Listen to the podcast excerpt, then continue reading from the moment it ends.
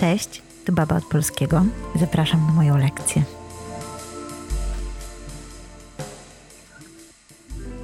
Święta Trójca, Witkacy, Gombrowicz i Schulz.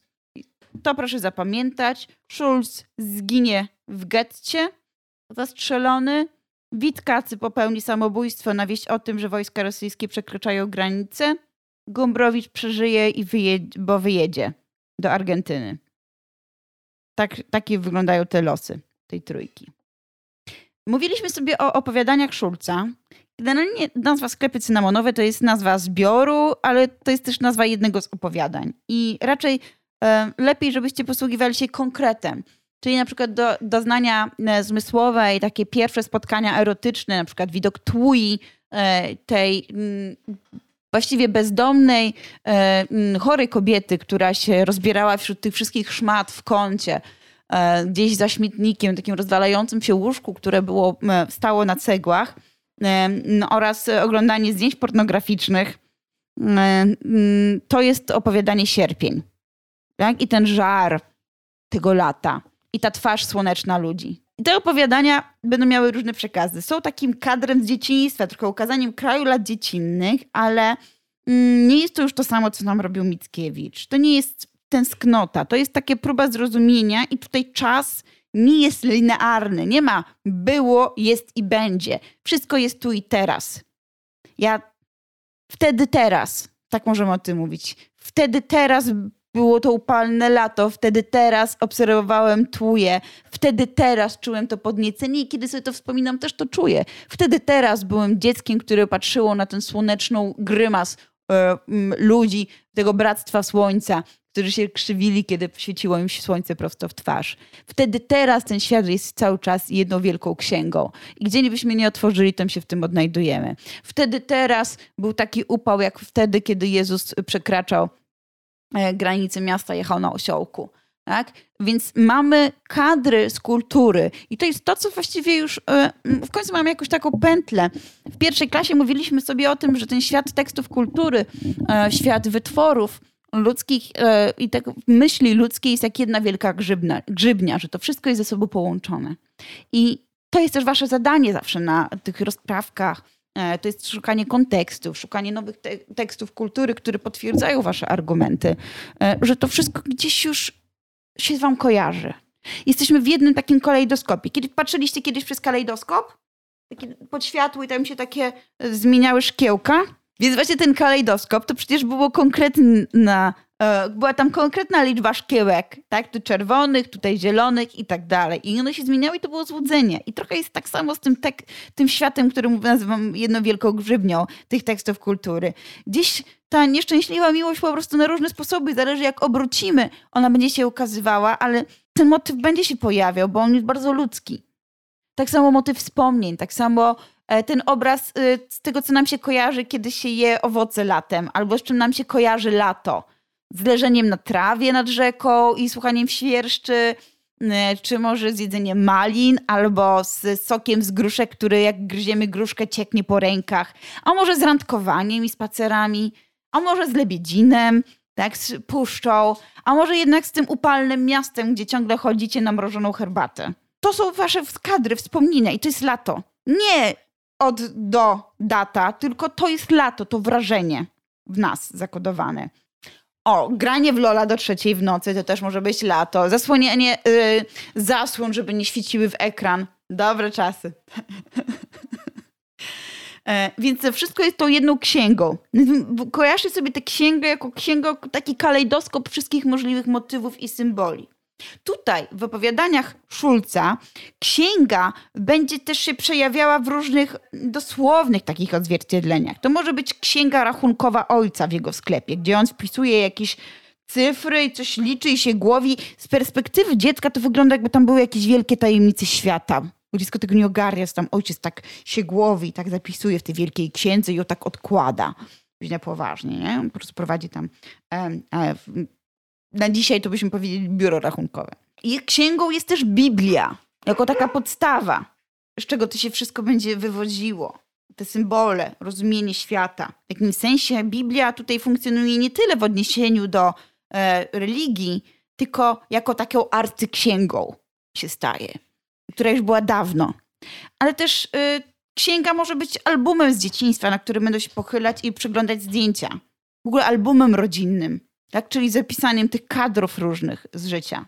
Ten motyw księgi jest bardzo ważny. To jest taki pierwotny e, boski ład, e, i który można dostrzec, jakbyśmy ciągle czytali księgę w tym świecie realnym, że mamy takie przebłyski prawdy z tej księgi życia. Więc księga jako symbol będzie dla Was bardzo ważna. Czas mitu, w którym jesteśmy. Jak pamiętacie, to jest czas sakrum, bo nie jest linearny, tylko krąży. Boże Narodzenie, Wielkanoc. Nie? Mówiliśmy o rytuałach, chociażby przy księdze Kocheleta o tym mówiliśmy. I tutaj też mamy cały czas czas mitu, wtedy, teraz. I mamy do czynienia z mityzacją rzeczywistości, czyli takim trochę mm, nadawaniem jakiegoś sakrum, jakiejś wyjątkowości danej czasu. I to jest wtedy, kiedy idziecie do galerii handlowej, która się nazywa Arkadia. I wiecie, że tam was spotkają same przyjemności. To jest Arkadia. No raj. Prawda? Więc mamy tutaj też... Mm, chociażby w tych nazwach e, firm dzisiaj się e, mityzuje e, rzeczywistość. To, że jeżeli wybierasz, mm, nie wiem, firmę ochroniarską, to ja bym brała od razu Cerbera, bo mi się kojarzy z ochroną, taką porządną. Że tutaj też jakoś tak zaklinamy tę naszą rzeczywistość dzisiaj, tę, która, nas która nas otacza. Mamy też nietypowy styl tych tekstów Schulza, bo on to po prostu pisze, jakby to był taki dziwny pamiętnik. Dziwny pamiętnik, ale z życia, a nie z młodości. Mamy tutaj jakoś e, funkcjonowanie w świecie wyobraźni głównego bohatera, tego Józefa, który tak jakby się ciągle nawarstwiał, że on się już jakby między tymi wymiarami gdzieś może przekra przekraczać, chodzić. Mamy też jakieś takie poetyckie wyobrażenia. Dla niego jarzyny są, dla dziecka z perspektywy dziecięcej, co on nam pokazuje, jak wodorosty.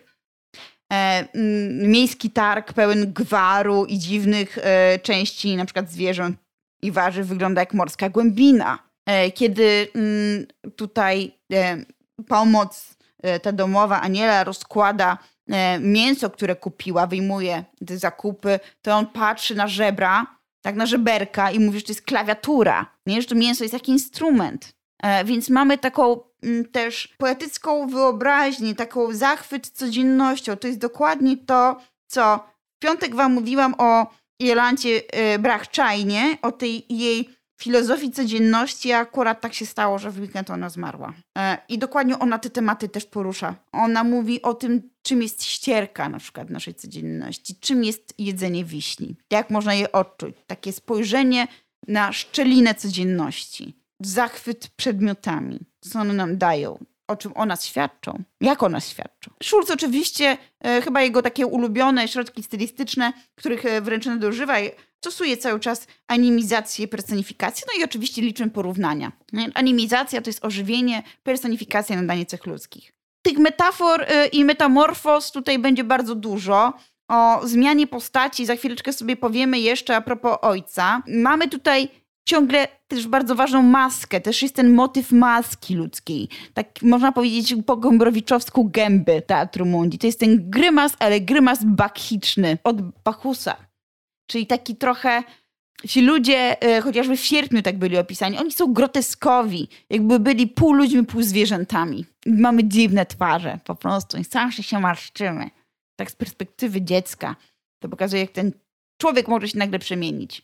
Każdy z was umie zrobić człowieka kciuka do swojej twarzy, tak? I widać, że no ewidentnie wyglądamy inaczej niż e, w legitymacji albo w dowodzie. Więc też bierze pod uwagę to, jaką jest plastyczność twarzy, jak się twarz zmienia. Mamy tutaj jasny podział. To jest e, ciekawe i mm, mm, może tutaj się będziecie chcieli wypowiedzieć na ten temat. E, co widać w opowiadaniach Szulca, to jest jasny podział na to, co męskie i na to, co żeńskie. Żeńskie jest siłą, jest rzeczywistością, jest mimetyczne, jest mm, zorganizowane i jest płodne. To jest ciągłe rodzenie, organizowanie, pilnowanie zadania. A to co męskie, a no i kobiece to jeszcze jest bardzo cielesne. Tam o ciotce Agacie się mówi ciągle o jej wielkim, obfitym ciele, które się porusza. Ta tłuja tak lubieżnie e, się kręcąca wśród zieleni ogródka, która jest też taka bujna i tak pff, tak pączkujące jakby nieustannie te kwiaty tak się rodzą. Mm, więc tutaj widzimy takie cały czas rodzenie elan vital. No to to, co męskie, pachnie tytoniem i jest poetyckie, bo taki jest ojciec. Jest kreatywne, a nie przyziemne kompletnie. Tak wygląda ten podział. I trochę ten podział e, widać w księdze bałwochwalczej, czyli w tych e, rysunkach mm, Szulca. Widać tu ewidentnie, że ten mężczyzna, który jest kreatorem, poetą, on ładnie to opisuje, czuje się poddanym wobec potęgi kobiecej. One są tutaj silne i władcze. On się czołga nieustannie przy ich stopach. I to na różne sposoby będzie, będzie pokazywane w tych opowiadaniach. Sklepy cynamonowe to jest zbiór 15 opowiadań. Mm, jeszcze do niektórych dokłada się takie bardzo obszerne sanatorium pod klepsydrą. Jednak, e, szczerze mówiąc, tego, czego się e, gdzieś tam od was e, będzie wymagało, Oczywiście nie spodziewajcie się, że dostaniecie fragment z Schulza i trzeba będzie rozpoznać, co to za dzieło. Raczej Schulz wam się przyda do argumentacji. Tutaj może być nacisk, taki, że aż wymuszony, ale nie tak, że oni dadzą wam ten fragment. I tak, to co na pewno wam się przyda, to jest opowiadanie Sierpień, opowiadanie Ptaki, sklepy cynamonowe, Noc Wielkiego Sezonu, no i te traktaty o sztuce, o roli sztucy, czy, y, sztuki, czyli traktaty o manekinach, których ojciec staje się tym wielkim demiurgiem. Kim jest narrator? To jest kilkunastoletni chłopak Józef. Bardzo wrażliwy i ciągle gdzieś w opozycji tego to, co matka, to jest takie urocze, co spacery, jest jakaś organizacja dnia, ale też taki materializm, porządek. A to, co ojca, eksperyment, kreacja, mm, tworzenie, nieustanne tworzenie, rodzenie nowych form. Matka, nie wiemy jak ona się nazywa, ona jest po prostu matką. Oglądaliście kiedyś kreskówkę na Cartoon Network e, Laboratorium Dextera? To jeszcze wasze czasy, czy już jestem za stara? Były, okej. Okay. No, ja uwielbiałam e, Laboratorium Dextera i tam rodzice mało kiedy byli pokazani, raczej było widać ich od pasa w dół, czyli z perspektywy dziecka. To trochę taki tutaj jest. Że jest matka, wiadomo, ale w sumie nie wiadomo, jaką ona ma twarz. I, i tutaj y, matka jest taką strażniczką ogniska domowego, ona tego wszystkiego pilnuje. I zapewnia rodzinie bezpieczeństwo i harmonię. O, cudnie, tak, mama Muminka. Jej rolą jest bycie matką dla dziecka, nie? Super, nieważne jakie ma imię. Jest mamą. Bardzo dobre porównanie. I tutaj też mamy taki punkt widzenia. I tak samo ojciec. Ojciec wiemy, że jak się nazywa, tutaj wyjątkowo. Ojciec się nazywa Jakub. I ojciec jest trochę niedostępny. I jest jakimś takim wielkim pragnieniem, żeby z nim nawiązywać kontakt. Y, kontakt. Jest wielkim autorytetem dla chłopaka e, dla Józefa i jest takim uosobieniem artysty, siły twórczej, wytwarzania, wielkim indywidualistą. I on się ewidentnie nie będzie zajmował normalnym życiem i będzie jakiś taki odrealniony dla tego dziecka, którego podgląda, że wizji dziecięcej on będzie zmieniał postać raz na karakona, raz na kondora. Będzie jakiś taki nie do uchwycenia. Ale ojciec też potrafi zajmować się poważnymi sprawami przyziemnymi, bo przecież prowadzi swój yy, sklep i tam ma tę wielką księgę z rachunkami, ale to też jest jakieś niezrozumiałą tajemnicą dla dziecka. Kobiety to robią przy dzieciach, gotują na przykład, tak? Sprzątają, rozmawiają, chodzą załatwiać różne sprawunki z nim. Więc on jest świadkiem. A ojciec taki jest trochę zamknięty i trochę nie wiadomo, czym on się tak dokładnie zajmuje, więc jest tajemnica, więc jest ciekawość. Nie? Ten ojciec jest taki niedo, nienamacalny, ulotny cały czas. W opowiadaniu Sierpień to już my sobie omówiliśmy. Macie do czynienia, pamiętajcie, e, z Tłują. A, bo ja chyba się pomyliłam przed chwilą. Tak, służąca się nazywała Adela, a Agata to była ta ciotka. Nie? No i mamy jeszcze matkę Tłuj, e, Maryśkę. E, I to tyle właściwie. Jest ten Emil, najstarszy syn wujostwa, który e, będzie pokazywał te obrazki pornograficzne. E, w opowiadaniu Ptaki e, mamy, znowu Józef jest narratorem i on będzie opisywał ojca, matkę i Adelę. W opowiadaniu Ptaki e, mamy bardzo ciekawe e, zdarzenie. Czy ktoś by chciał przypomnieć, o czym ono jest? I nic nie zrozumiałam się chyba nałożyły głosy. Tak, no więc mamy coś takiego w formie bardzo groteskowego, też jakiegoś e, sennego przedstawienia. E, jesteśmy, mamy zimę, wszystko jest takie senne i leniwe i nagle ojciec jest tym ożywieniem, bo ojciec ma fazę na to, żeby sprowadzić na strych ptaki. No wiadomo, co się stanie. No ptaki tam nieźle wszystko, e, używając eufemizmu, zaptakają, więc e, Adela, która pilnuje porządku, po prostu się wkurzy i te wszystkie ptaki e, otworzy im okna, żeby one e, wyleciały. Dla dziecka jego ojciec zaczyna też przemieniać się w tego ptaka. On zauważa wiele podobieństw u ojca i ptaków. Nawet takich z wyglądu. Mówi, że mają takie same pomarszczoną na przykład twardą skórę i kościste twarze. głębokie oczodoły. Jakoś tak zacznie nakładać ten obraz. No i to rajskie królestwo, które dla dziecka wydaje się niezwykłe. Ojciec ma jakąś dziwną fazę, nie? To jest niesamowite. Jest jakimś takim kreatorem, też się wznosi jak te ptaki. To jest wolność, symbol wolności, a przecież ptak jest też symbolem poety. Przyjdzie i zniszczy Adela ze swoim wielkim atrybutem szczotką, a ojciec jej kompletnie ulegnie tej siły kobiecej, nie będzie w stanie nic jej powiedzieć. No i ojciec, jak taki król Banita, wygnany ze swojego ptasiego królestwa, ze strychu, zejdzie niżej i będzie normalnie żył dalej w rzeczywistości. Tutaj ważne jest to porównanie tego ojca do tych ptaków.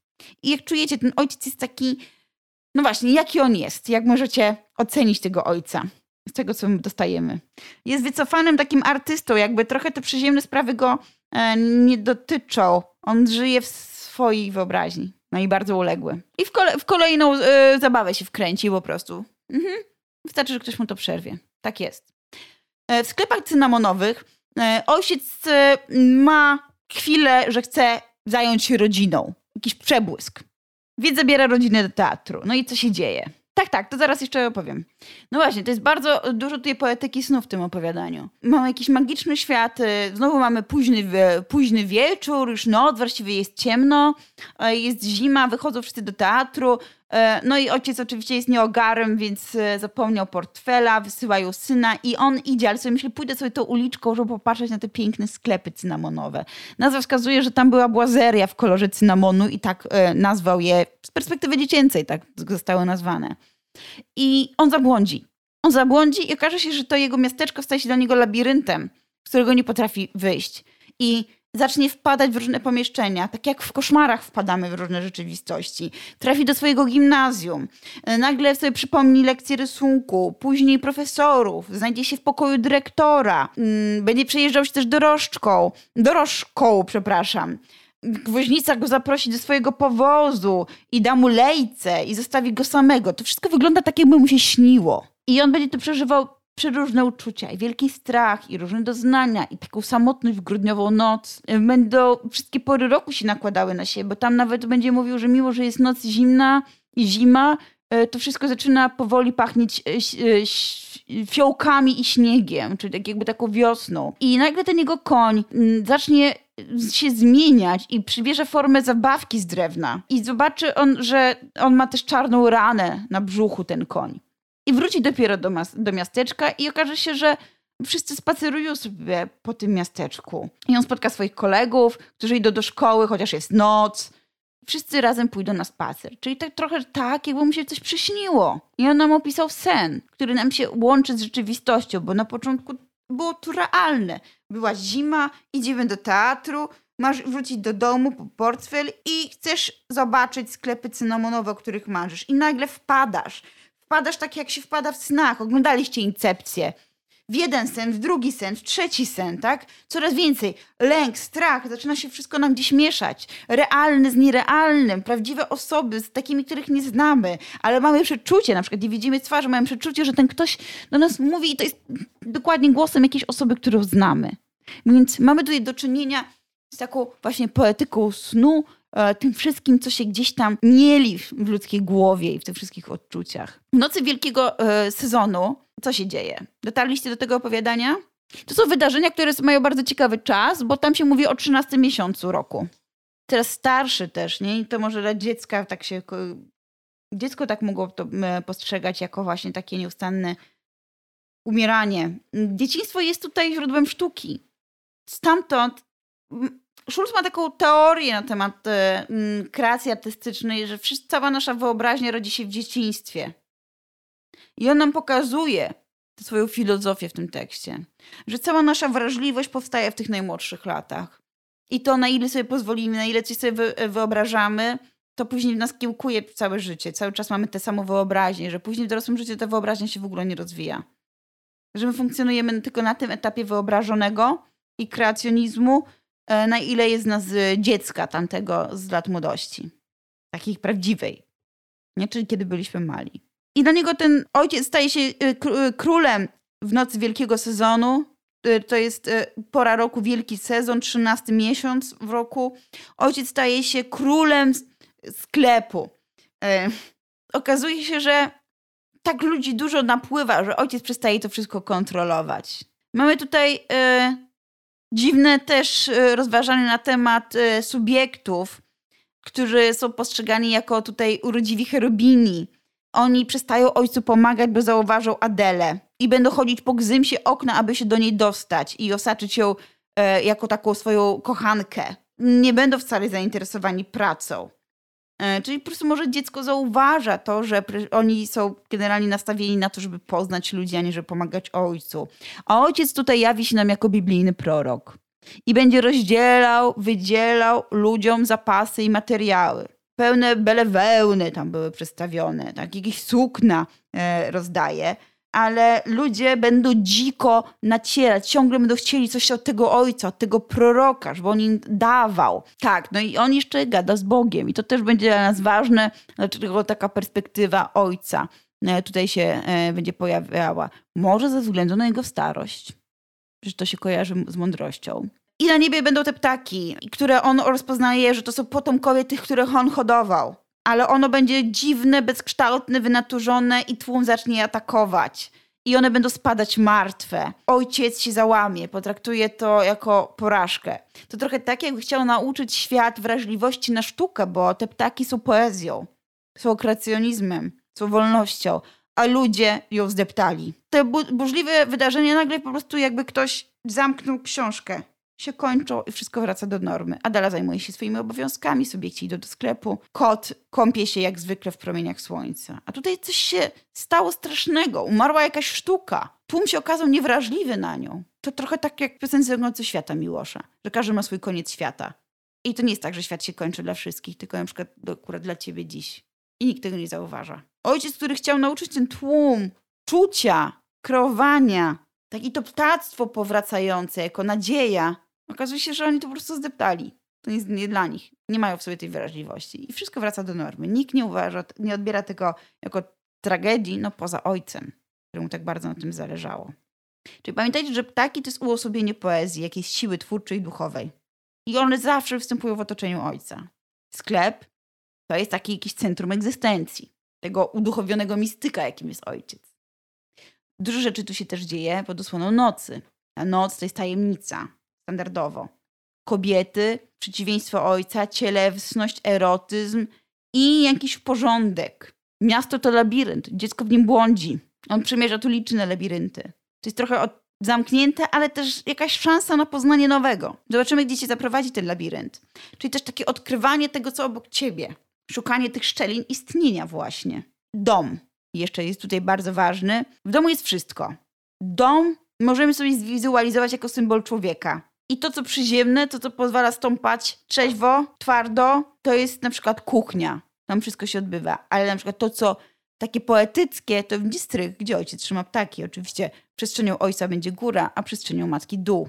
No i teraz chciałabym z wami przyjść też do tych traktatów o manekinach. Tutaj mamy poważne rozważania na temat istoty sztuki. To nie jest łatwe. To są właściwie takie mini cykle tekstów tutaj dołączone, które są wykładnią filozofii Schulza. Jak wy odbieracie te traktaty o manekinach? Czy one były dla was zrozumiałe? Tam jeden z nich się nazywa nawet traktat o manekinach albo Wtóra Księga Rodzaju. On po prostu czuje, że to wszystko ciągle krąży i wszystko jest takie połączone. I dla nas też. Trochę trudno dzisiaj by było opisać y, to dzieciństwo w Polsce bez odwoływania się do tego, że ciągle gdzieś y, istnieją też jakieś symbole religijne, jakieś takie konteksty. Przecież e, Biblia, tak samo jak i mitologia, to są podstawy kultury europejskiej. I od dziecka znamy różne historie. Są tworzone na tym bajki. Nie? Cały czas krążymy wobec tych samych motywów. Nie jest tak, że dopiero na lekcjach polskiego dowiedzieliście się, czym jest Biblia. Każdy wiedział o, że takie ukrzyżowanie, co ono może symbolizować, nie? Procesje, śpiewy kościelne, to wszystko gdzieś jest w tym, co, czym wyrastaliśmy. E, a może ktoś z was e, czuł takie piętno, że grzeszy, jak był e, młody, dorastający, że poznawanie swojego ciała było piętnem, no bo gdzieś to mogło być wpajane. To, że trzeba za, przed spaniem zmówić pacierz. To jest jakiś taki zestaw zasad, który niestety, niestety jest wpajany młodym ludziom w naszym kręgu kulturowym. Konkretnie tej religii, bo nie wiem jak to jest z innymi, podejrzewam, dokładnie tak samo. Prostu w innych e, kręgu kulturowym się nie wychowywałam. E, I to jest też coś, co nas kształtuje. No właśnie. I później trzeba, to wymaga pracy, żeby ewentualnie, jeżeli się chce, albo się od tego odciąć, albo podążasz tym kręgu kulturowym. Tak czy siak nie da się odciąć całkowicie, bo co byśmy nie omawiali, czym byśmy się nie spotkali, to gdzieś tam cię wiąże, bo to, to jest po, po prostu podstawa kultury. Jesteś tym, kim byłeś, kiedy byłeś młody. Wtedy ukształtowałeś swoją wrażliwość. Ale to, że już na przykład pomidory nie smakują tak samo i nie pachną, gruszki nie smakują tak samo, ale ty masz to wspomnienie, jak to było. Masz też to porównanie. Kiedyś wszystko było troszeczkę inne i największym szokiem jest to, kiedy na przykład idziesz w to miejsce z dzieciństwa, a nagle się okazuje, że ono tak, że wtedy inaczej je widziałeś, jako wielkie. Tęsknisz za tym, za tą przestrzenią. Patrzysz, a teraz to jest małe. No. No i wiesz, patrząc na to, że czas jest mityczny, to jesteś wtedy i teraz. No ja wam nie, nie umiem tak sprawić, żebyście wrócili do przedszkola. E, ale ja wręcz e, mam przeciwne stanowisko. Powiedziałem, że oby do przodu, od nowa przeżywać te wszystkie kryzysy, bo jeżeli wrócicie do przedszkola, znaczy, że jeszcze raz będziecie w liceum, a nie lepiej być po prostu raz i popełnić kolejne.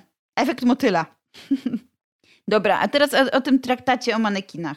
Jeszcze zasiadasz radę? Jak ty to odbierałaś? Mhm. Czyli w tym, e, czekaj, tak podsumowanie. W tej pierwszej części mamy bardzo bezimienne i nudne dni, no i nagle ojciec ma nowy odpał. Brakuje mu ludzi do pracy i zaprasza, wręcz przychodzą po nocach krzyć u nich w domu właśnie ta Polda i Paulina, młode dziewczyny. No i ojciec ma fazę zachwytu piękną niewinnością, czystą skórą i to dziecko to widzi. Jak na przykład odczuwając pończoczkę z kolana Pauliny i studiując rozmiłowanymi oczyma zwięzłą i szlachetną konstrukcję przegubu. Ojciec mówi, jakże pełna uroku, jak szczęśliwa jest forma bytu, którą panie obrały. Jakże piękna i prosta jest teza, którą dano wam swym życiem ujawnić. Gdybym odrzucając respekt przed stwórcą chciał się zabalić w krytykę stworzenia, wolałbym mniej treści, więcej formy. Nie? Więc on gdzieś tam, ojciec zaczyna rozważać też no, teraz nad formą, ale formą pięknego człowieka, ale jednocześnie czujemy, że jest to też rozważane na temat formy sztuki. No i Adela oczywiście za każdym razem to niszczy, bo na przykład wchodzi z kolacją. I dopiero zaczynamy w którą księgę rodzaju. I to będzie oj e, wykład ojca o stworzeniu świata i roli człowieka. Genezis. Mhm. I generalnie on rozdziela na materię i na ducha i nawet zaczyna mówić, że ta materia jest nawet ważniejsza. I on trochę wchodzi w taką rolę teraz stwórcy, który to będzie kreował tę rzeczywistość, bo on nie chce z nim konkurować tak jak Konrad. I też, no właśnie, czyli ma w sobie też ciągły bunt.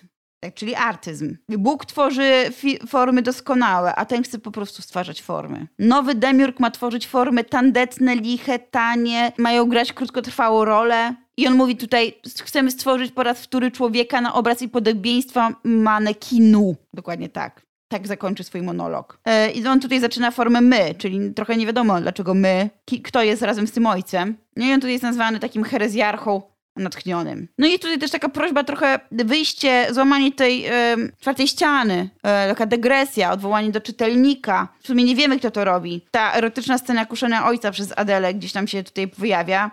I ta wyciągnięta stopa tej dziewczyny trochę jest jak taki syczący wąż. I ta Polda i Paulina patrzą na to to też ma być odwołanie do księgi rodzaju. To znaczy, że gdzieś tam jest błąd w tym świecie zarysowanym. I oczywiście ten traktat o manekinach się ciągnie.